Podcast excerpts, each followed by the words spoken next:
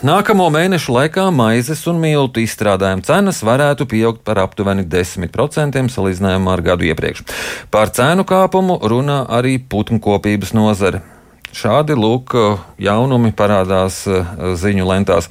Ko mēs varam sagaidīt? Vai mums būs cenu kāpums, sekojot energoresursu cenu pieaugumam? Par to šajā brīdī izvaicāsim Agroresursu un ekonomikas institūta lauksainiecības tirgus veicināšanas vadītāju Ingu un Gulbi. Labrīt! Labrīt! Daudz ir pamanījuši vai daudz ir dzirdējuši, ka par apkuri tagad būs jāmaksā vairāk un cenas vēl kāpšot. Dzirdēts, ka kopumā energoresursu cenas iet uz augšu, bet kas mums notiek uh, ar pārtiks precēm plauktos? Nu, ja kaut kas paliek dārgāks, lai saražotu kādu produktu, tad, protams, arī tas gala produkts paliek dārgāks. Un to iemeslu, kāpēc tas cenu kāpums šoreiz varbūt ir lielāks nekā mēs esam pieraduši, jo parasti mēs runājam par cenu kāpumu tur par procentiem dažiem, tad šajā gadījumā tas būs divciparu skaitlis. Viņš būs lielāks nekā iepriekšējos gados, daudzus gadus iepriekš mēs esam pieredzējuši. Un tas iemesls eh, ir jā, šie energoresursi, bet arī pasaulē eh, ir pieaugušas daudzu pamat izēvielu, pārtikas izēvielu cenas. Tas ir eh, graudi, eļļa, cukurs, tie ir kļuvuši dārgāki. Un, lai saražotu ļoti daudzus pārtikas produktus, vienkārši tie produkti ir kā sastāvdaļa. Nu, maize, milti, tas ir saprotams, bet uh, graudi tas ir arī lobarība. Tas nozīmē gaļa, olas uzreiz ir dārgāk, eļas, tās ir kāpušas ļoti daudz, turpat gandrīz divas reizes tā cena ir daž, dažām eļām pieaugusi. Eļa arī ir kā izēja materiāls, lai saražotu daudzus pārtiks produktus. Tāpat mums ir darba spēka eh, izmaksu pieaugums, ne tikai ar of oficiāli noteiktā minimāla alga, bet eh, pārtiks nozarē ļoti daudz roku darba spēka. Un, eh, lai noturētu darba spēku, tagad darba spēks ir pieprasīts, ir jāceļ algas. Nu, tik daudz no, no, iemeslu jau es nosaucu, tad skaidrs, ka nu, nekas nevar palikt lētāks, bet tikai dārgāks. Graudi, eļļa, cukurs, visām šīm pozīcijām ir viens iemesls, ja tur ir dažādi iemesli. O, iemesli katrai produktu grupai ir ļoti dažādi. Piemēram, par eļļām, ja mēs runājam.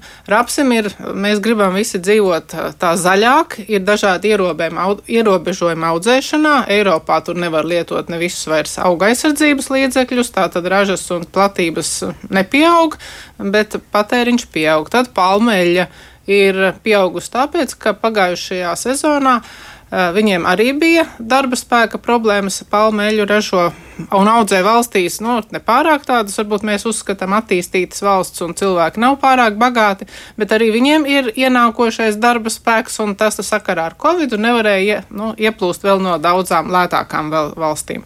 Pat palmeļai, kurai tas imičs varbūt Eiropā nebija tas labākais, pat tai ļoti augstu pieauga cena.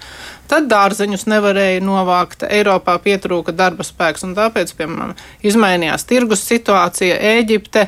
Eh, ar citrus augļiem ienāca vairāk Eiropas tirgu, līdz šim viņa tā nebija.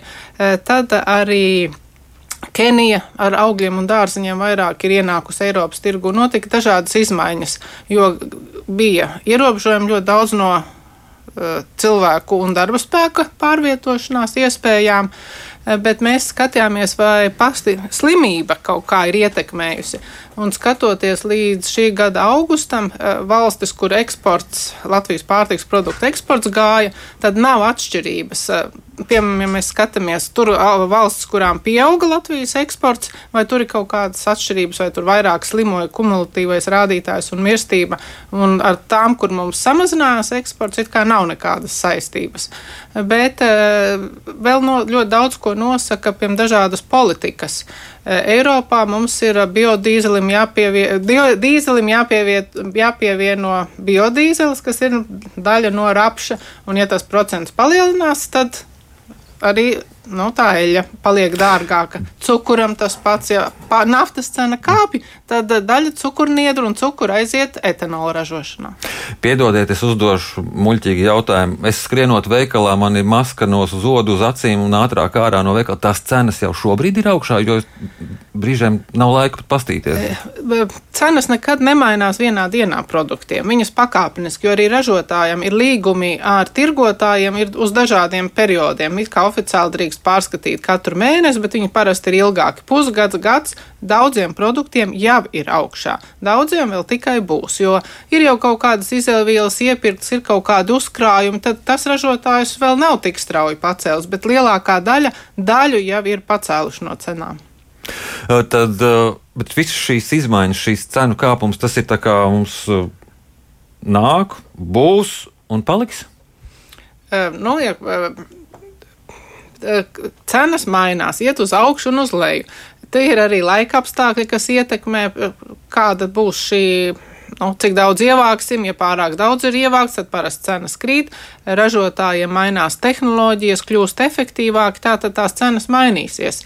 Nav tā, ka nu, turpmāk mums jāsaprot, ka tās cenas būs augstas, augstas un tikai augstas. Kādreiz viņas arī pamainīsies, bet kopumā pasaulē tā pārtika nu, visas pēdējās desmitgades nu, ir kļuvusi nu, dārgāka kopumā, ja mēs paskatāmies. Tad tās tomēr ir ilglaicīgas pārmaiņas. Jā, bet, var, bet tas nenozīmē, ka tas skaitlis, ko mēs sasniegsim, nu, pa, uz šobrīd liekas, tās ir gada beigas, gada sākums, kad būs tas vislielākais uh, izmaiņu laiks, ka viņš tāds paliks mūžīgi mūžos. Nē, viņš kāp, ies arī uz leju. Bet kad un cik daudz to mēs nezinām. Uh, vai, ko, vai ir iespējams ko darīt šobrīd? Teiksim, mainīt nodokļus, lai ietekmētu šīs cenas? PVN samazināt? Es domāju, ka, ka mēs esam cenas ņēmēju valsts, tas ir mēs neesam tik lieli, ka, nu, ja mums ir laba raža vai kāda noteikuma, tad visa pasaule pielāgojas, piemēram, tā kā tas ir Austrālijā, Jaunzēlanda piena nozarē vai kur. Mē, mūsu ražotāji tirgojas pasaules tirgos, un mēs nevaram ietekmēt cenas, kādas te, tā pārtikai būs. Vienkārši mēs varam skatīties, kā efektivizēt uh, vispār savu biznesu, to jau ražotāji dara. Un nav cita varianta, kā valstī domāt par iedzīvotāju pirktspējas pieaugumu, biznesa attīstību, lai mēs visi varam nopirkt to, kas mums ir nepieciešams.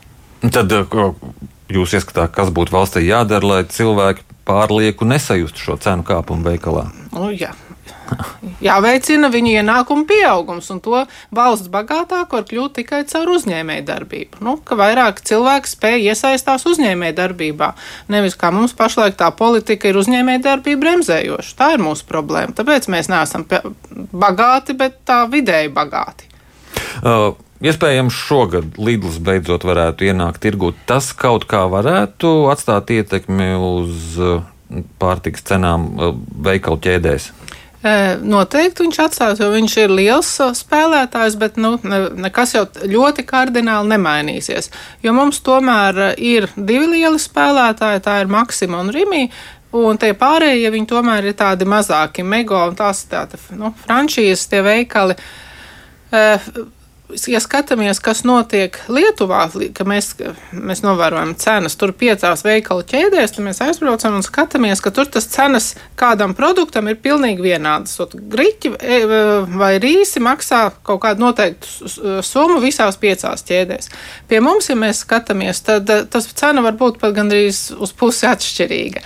Es domāju, ka tur tā konkurence ir lielāka. Lidls ir nopietns spēlētājs, un tie pārējie arī ir spiesti domāt, kā efektīvi efektivizēt savu tirzniecību, kā skatīties, kur un kādus produktus dabūt, tas palīdzēs varbūt eh, mums, kā patērētājiem, tā būs atkal lielāka izvēle. Ražotājiem arī, protams, ir vēl viens pārdevējs, un viņš. Es domāju, ka nedaudz jau nu, liekotiem pārējiem domāt par efektivitāti, nu, samazinās to cenu kāpumu, eh, kāds varētu būt, ja tāda lidla nebūtu. Kādi iegūmi ražotājiem būs?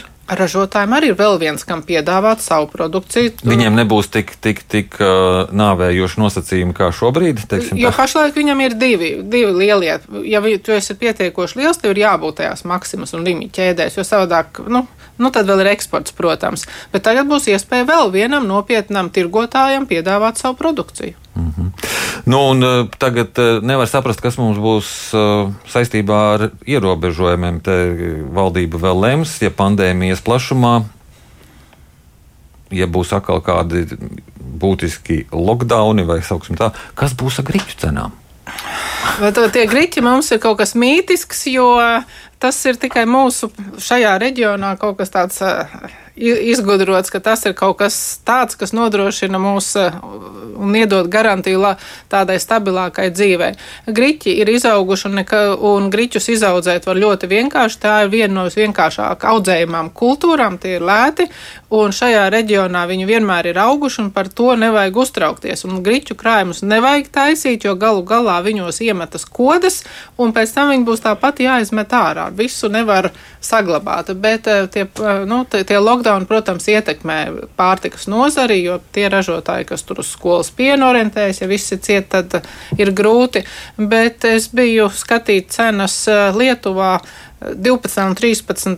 septembrī, 12. viņiem vēl bija pa vecam visi noteikumi. Grīķi 13... bija lētāk nekā ne, un 13. bija jau jaunais, ka lielveikalos nevar ieiet nevakcinētie. Un nekādas būtiskas atšķirības starp šīm dienām nebija, tā ka es ceru, ka arī mums viss būs labi, cilvēki būs apzinīgi un mēs neapstāsimies. Jo, ja dzīve apstāsies, tad arī pārtiks nozarei viņa nav tik katastrofāla kā citām izklaides vai citām nozarēm, bet vienalga tas ievieš izmaiņas.